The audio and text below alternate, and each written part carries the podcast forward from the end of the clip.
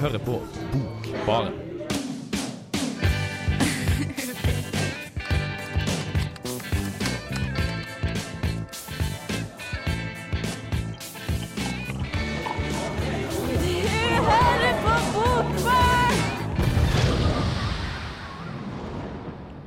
Det stemmer, du hører på Bokbaren, og dette er årets aller siste sending. Å, det er kjempetrist. Det verste er at vi har ikke engang med oss Vida eller Eline i dag, så det er bare Ingrid og meg. Hei, Ingrid. Hei, hei. Hva skal du snakke om i dag? I dag så skal jeg snakke om en eh, bok som passer veldig godt for oss studenter, det er nemlig 'Kollektivet' av Ingrid Fyrre. Og det er eh, en diktsamling, kaller hun det, men det er en litt sånn blanding av reportasje, intervju og diktsamling. Men veldig morsom og kul. Kjente du deg igjen i den? Ja, jeg tror de som har bodd i kollektiv, vil kjenne seg igjen i den, altså. Ja.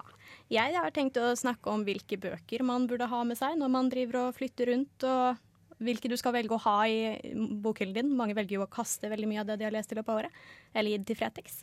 Men først så skal vi høre 'Brennistein' av Sigurd Ros.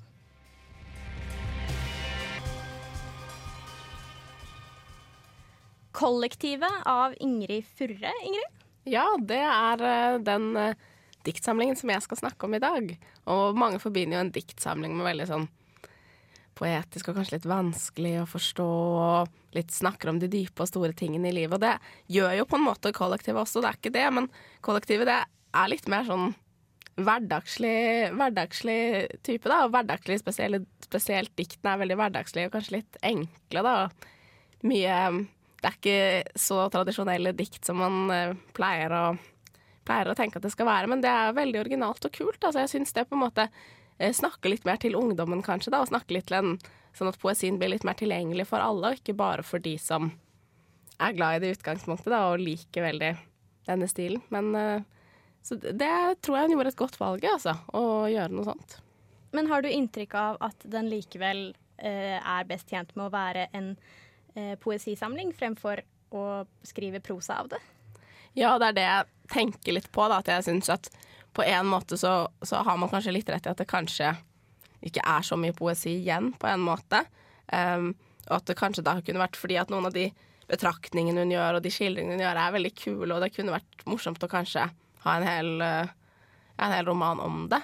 Og vært mer prosa hadde kanskje passet bedre, men samtidig så er det litt gøy at, at man prøver ut dette med at det på en måte er litt annerledes dikt. Da. At sånn sett så kan på en måte selve diktsjangeren være tjent med det, eller um, andre forhold man får til dikt, men kanskje boka kunne vært bedre tjent med å være en roman. Da. Sånn, forfatteren kunne på en måte kanskje fått i enda tydeligere grad fram det hun ville, da, og sine tanker ved at det hadde vært prosa. Det tror jeg kanskje. Mm. Ja, Men det er jo uansett et godt tegn at du sier at du har lyst på mer, for det er jo tydeligvis det. Altså mer utfyllende Det er jo gjerne det prosa eh, ofte gjør, i hvert fall. Mm. Så det vil jo si at hun har i hvert fall lykkes i å gi små smakebiter som gir Ja, jeg mer tror hun har, eh, har noen spennende og morsomme tanker. Da. Det er noen gode betraktninger og morsomme folk hun skildrer et kollektiv. Jeg tror eh, mange vil kjenne seg igjen i at det er liksom Dette er typer som, eh, som man har litt lyst til å bli kjent med, da, og skjønne hvem egentlig er. Og, og sånn sett så kunne det vært stoff da, til å skrevet, om en, skrevet en lengre tekst om, holdt jeg på å si. Mm. Men eh, hun er debutant. Er det noe som syns veldig? Er f.eks. de personene i kollektivet veldig karikerte, eller er det Fungerer det, syns du? Mm, det er en blanding. da. Det er noen som er veldig karikerte og nesten ikke får navn engang. De er liksom veldig sånn Hundekvinnen og eh, Italo-disko-gutten og sånne ting. Men så er det også noen som bare heter sitt eget navn og er på en måte har jo noen spesielle sider, og på en måte, men de blir allikevel ikke urealistiske eller for overdrevne. Det er liksom troverdig. Det er det, det syns jeg. Mm. Den har jo en ganske spenstig forside. Ja, det har den. Det ser akkurat ut som de som har vært litt på visning i det siste og sett liksom eh, bilde av leiligheter. Sånn ser også forsiden ut. Så det bare ved å se på den var egentlig sånn jeg fikk mest lyst til å lese den, at jeg så forsiden, så tenkte jeg dette har jeg lyst til å se hva, hva som skjuler seg bak denne forsiden, da, for det var kult valg. Mm. Kult valg. Jeg har lyst til å høre mer om det, men først så skal vi høre på Grown Up med Emilie Niklas. Skal vi spille pinnespill? Nei, jeg har ikke tid. Hun tar opp en røykstump, tenner den. Har fortsatt på seg pysjamasen. Jo, men bare mens vi spiser. Nei, jeg har ikke tid. Må jobbe. Hun kommer ned en halvtime senere. Smaker ikke på rundstykkene. Spiser knekkebrød med syltetøy. Kollektivet. Ingrid Fyrresteby er diktsamlingen Kollektivet, utgitt på Flamme forlag høsten 2012. Kollektivet er ingen vanlig diktsamling i den forstand, men utprøvende og forskende. Her får både reportasje og intervju spillerom. Denne eksperimenteringen er kanskje en av samlingens største styrker, fordi den bidrar til å tydeliggjøre hvem som bor i, ja, hvilke menneskeskjebner som deler kollektivets knappe kvadratmeter. Det har sikkert slått mange som ganske absurd, tanken på at det tryggeste stedet i verden plutselig består av vilt fremmede mennesker. Et kollektiv hører de fleste liv til. Og spesielt studietiden byr på denne hat-elsk-boløsningen. Fyrre har besøkt et fiktivt kollektiv, og lever som flue på veggen og litt i rommet for å finne ut hvilke tanker og forventninger de ulike medlemmene har til dette menneskelige eksperimentet. Som i de fleste kollektiv er en haug av vidt forskjellige mennesker stuet sammen. Det er klart at det krasjes litt av og til. Men på merkverdig vis oppdager de nye sider ved seg selv og andre, som totalt sett gjør at opplevelsen er både viktig og verdifull med store bokstaver.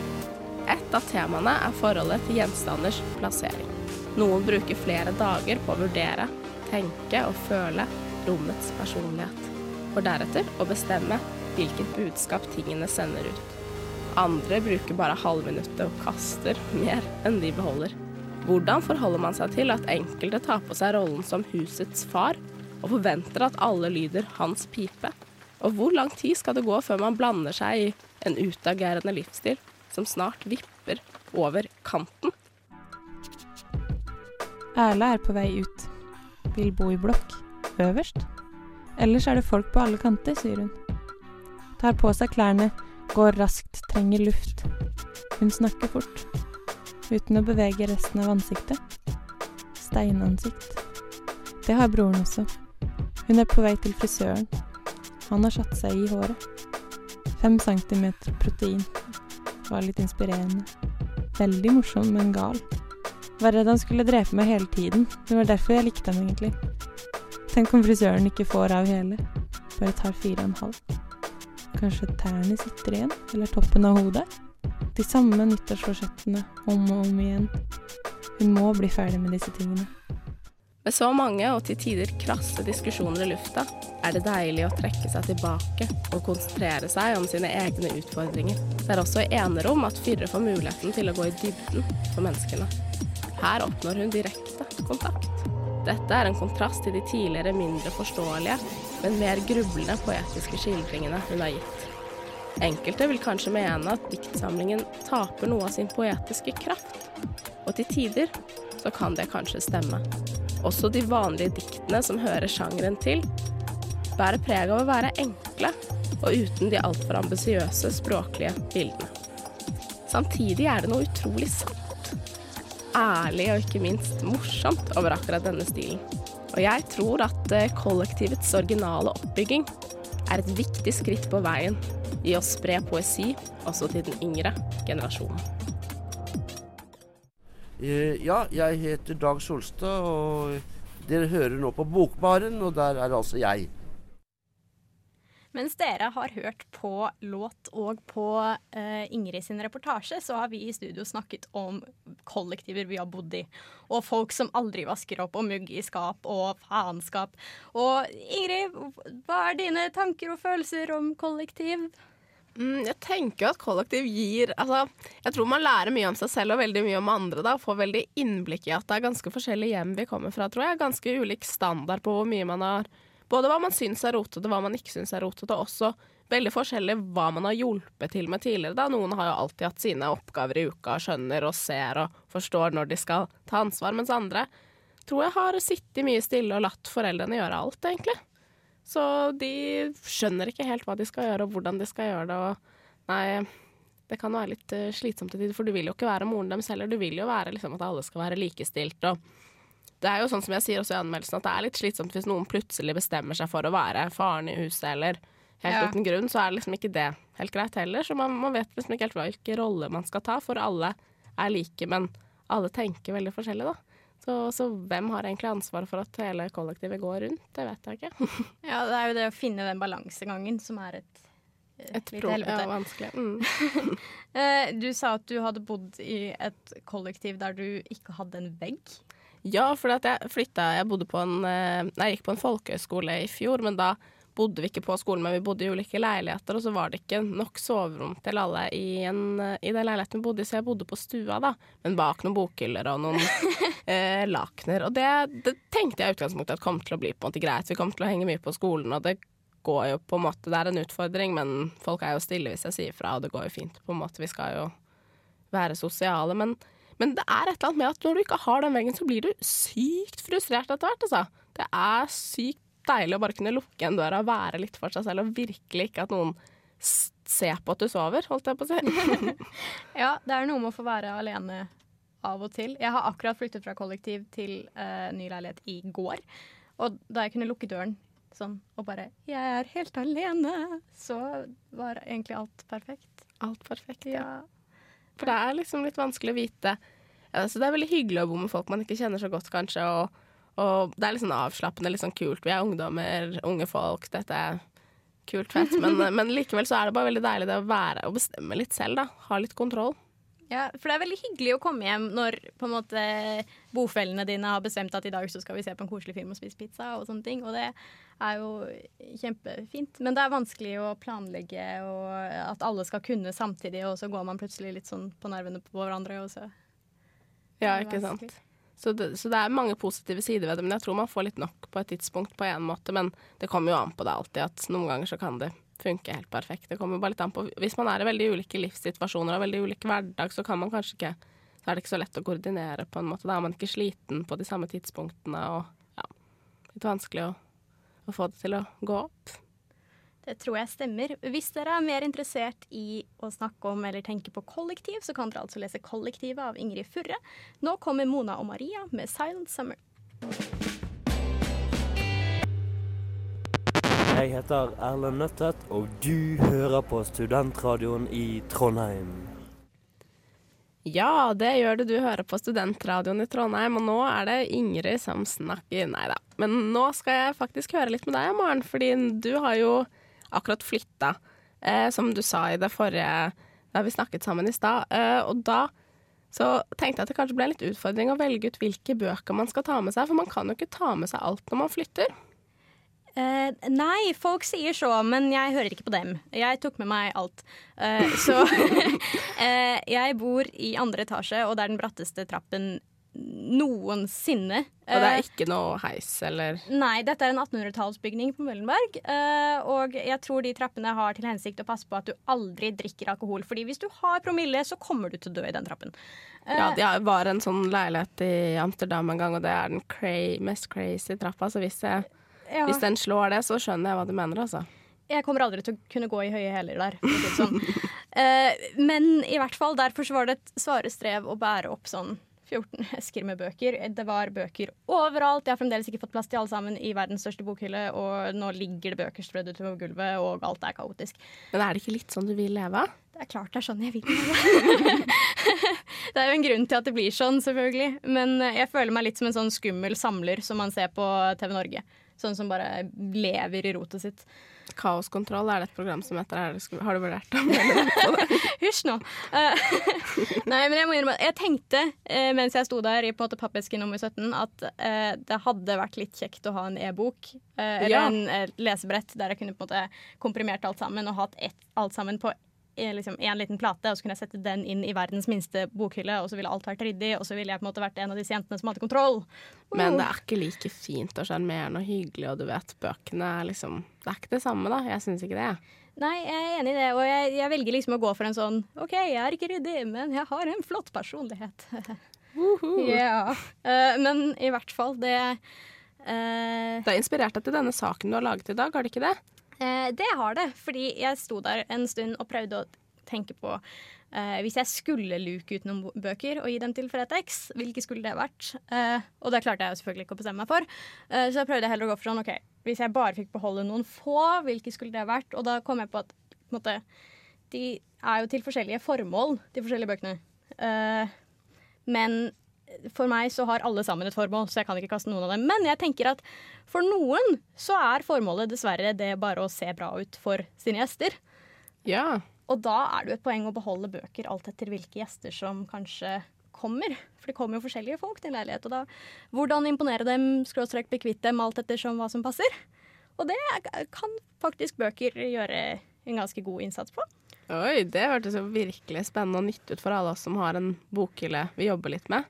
Ja, jeg håper at dette kan bli en slags guide eller en Jeg tror egentlig det er mer enn ikke gjør det på denne måten enn en gjør det på denne måten, men det kan jo lytterne bestemme selv, selvfølgelig. Mm. Men først kommer altså Savages med Shut Up.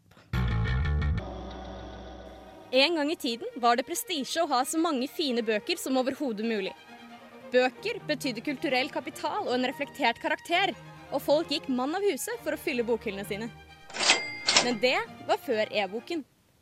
I dag kan du godt være belest som Matilda uten at det synes på stuen din. Alle verdens bøker får jo plass på et lesebrett. Lesebrett er billig, miljøvennlig og plassbesparende. Men hva gjør det egentlig for imaget ditt? Når ingen kan se akkurat hvilken bok du leser på toget, hva hindrer dem egentlig i å tro at det er Fifty Shades of Grey du har på skjermen? På Facebook er det lansert en slags kampanje der det oppfordres til å gjøre bøker sexy igjen. If you go home with somebody and they don't have books, don't fuck them. Men om man bare har bøker for å gjøre inntrykk på gjestene, er det lurt å ha et bevisst forhold til hvilke bøker du har på utstilling, og hvilket formål de skal tjene til. Om du f.eks. vil imponere svigerfar, kan det være greit å ha Faust på hylla. Hei, svigerfar. Faust? Den har lært meg så mye. Den handler om eh, hvor galt det kan gå dersom man ikke venter med samleie til etter bryllupet. Gretchen dør jo, og det er veldig trist. Dersom du har svigermor på besøk, kan det være fint å kunne skilte med Madame Bovary. Hei, svigermor! Jaha, så du leser Flaubert Madame Bovary? Ja, en fantastisk lærerik og gripende bok om hvor galt det kan gå dersom man ikke hører på svigermor. Ja, Emma hun hører jo aldri på fru Bovary, og ender med å ta livet av seg. Noen ganger kommer huseier på overraskelsesbesøk. Da er det fint å kunne imponere. Jøss, for en murstein av en bok. Ja! 'Forbrytelse og straff'. Flott bok. Handler om hvor galt det kan gå dersom man bare ligger inne på rommet sitt og drikker og aldri betaler husleie. Da ender man opp i Sibir. Dersom du får med deg en jente hjem fra samfunnet, og du gjerne vil at hun skal bli litt morgenen etter, så er det fint å kunne bruke en bok. Se her, har du uh, lest Frankenstein? Visste du at forfatteren Mary Shelley er datter av Mary Wollstonecraft? Skal vi snakke om feminisme og se på skrekkfilm? Dersom du gjerne vil bli kvitt henne, finnes det saktens en råd med det også. Å ja, du eh, står der og ser på parfymen. God bok. Handler om en fyr som flår kvinner levende fordi de lukter godt. Du lukter godt. Om du får med deg en fyr hjem fra samfunnet en kveld, er det visse bøker som fungerer bedre enn andre. Oi, hvordan har kokeboken Digg feit i en fei havnet i stua? Jeg steker jo bare bacon på kjøkkenet. Dersom du vil bli kvitt ham, kan du jo forsøke deg med et hvilket som helst Paulo Coelho-sitat. Når jeg danser, danser sjelen min med englene, mens kroppen min danser med min kone. Er ikke det romantisk? Og på akademisk vorspiel er det fint å kunne trekke frem en intellektuell slager. Å, står du der og blar i Nietzsche? Ja, det er ei bok som handler om ah, Nei, forresten, glem det. Du kommer aldri til å forstå.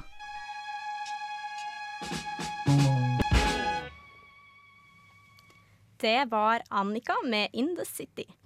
Og Ingrid, la oss eh, mimre litt om året som har gått. Ja, nå har det vært Å, det er rart å tenke på at dette er semesterets siste sending. Vi har jo blitt litt mer drevne i gamet, kanskje. Får vi håpe litt, på en måte. ja, jeg er litt sånn Jeg har ikke kjempelyst til å gå tilbake i arkivet og se hva man laget som første eh, reportasje eller første anmeldelse. Jeg har et håp om at vi er blitt bedre. Ja, vi har i hvert fall blitt litt tryggere på å slappe litt mer av i studio, tror jeg. Kanskje. I begynnelsen i starten så husker jeg at jeg liksom bare for, forberedte meg veldig på at nå skal jeg snakke om min ting, og så ellers så var jeg veldig sånn Flue på veggen resten av tiden. Flue på veggen. Men ja, nå er vi litt mer i rommet, da, får vi håpe. Mm. Yes. Mm. Uh, hva syns du, eller Har du lest noe i år som du syns var uh, særlig bra? Eksepsjonelt, liksom. Ja. Mm, jeg har jo lest det, var jo det at jeg syns jeg har vært positiv til mye av det jeg leste. egentlig. At det har ikke vært noe som har vært direkte dårlig. Men hvis jeg skal prøve å trekke fram en favoritt, så, så ble jeg jo veldig fascinert av eh, det vi snakket om i stad, med han eh, Morten Søndergaard og det ordapoteket. da. Å ja, det er en av mine favoritter òg, enda jeg ikke har lest det engang. Jeg har bare hørt deg fortelle om det. Men jeg syns liksom ikke at Kanskje ikke at litteraturen han eh, tilbød var det aller beste, det synes jeg ikke, men bare som person og liksom Det kunstverket med ordapoteket syns jeg var veldig kult. Men sånn, det beste litterære jeg leste, var kanskje Christian Lundbergs 'Og alt skal være kjærlighet'. Den som både jeg og Vidar leste to, to bøker av samme forfatter, da, om omvendte klassereisen. Det var veldig interessant sånn menneskelig, da. Mm. Har du noen favoritter, da? Jeg tror nok at min favoritt fra året som har gått, var 'Furuset' med Linn Strømsborg. Eller av Linn Strømsborg, alt etter hvordan du velger å bruke ja, nei eh, Den syns jeg var helt fantastisk. Og eh, jeg har lånt den bort til eh, HG. Hei, HG.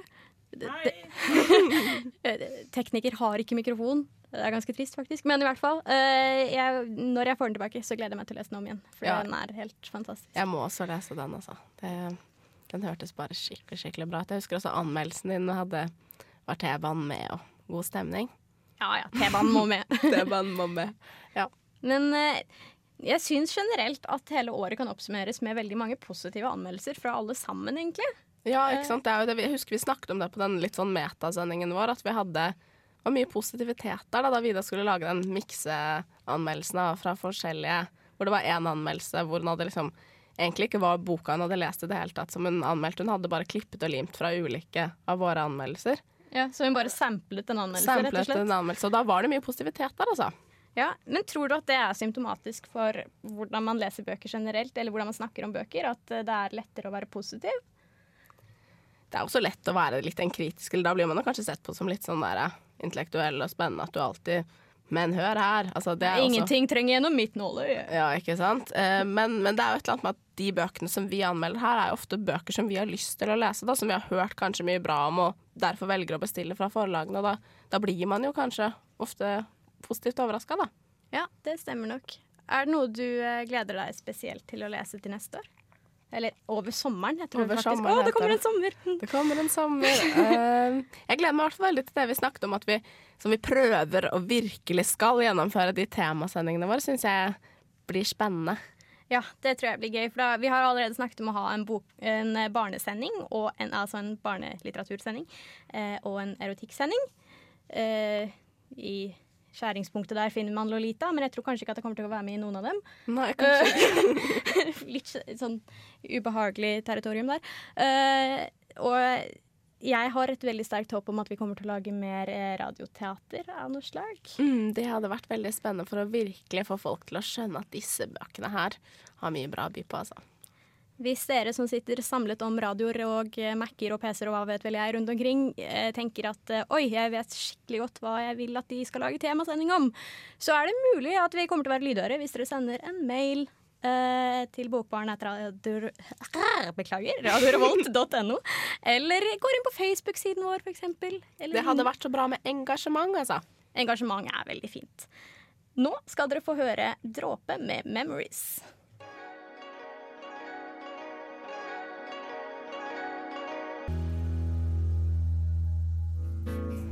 Hei, hei. Eh, Dette er Vigdis Hjort. Jeg liker navnet på denne radiokanalen, Radio Revolt. Hør på magasinet Bokbarn. Det å sitte på bar og lese bok, det er ikke det verste.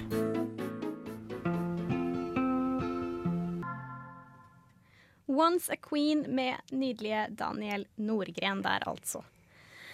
Vi er kommet til veis ende, både for denne sendingen og for dette året. Det blir sommerferie, bare på en måte ikke eh, fordi vi har eksamen, men det velger vi å ignorere. Eh, Det er det mange gode minner vi kan tenke tilbake på, da. Som en pause i eksamenslesinga. Bare nyte gode bøker og litterære opplevelser. Og Ja. prøve å leve oss, leve oss litt inn i andres liv. Ja, jeg gleder meg i hvert fall veldig til, eh, to måneder med å lese noe annet enn pensum, sier hun som går litteratur og bare leser romaner som pensum. Eh, men altså, lese selvvalgte romaner, det, Ja, det blir deilig. det tror jeg blir veldig fint. Eh, skal du på noen litteraturfestivaler i sommer?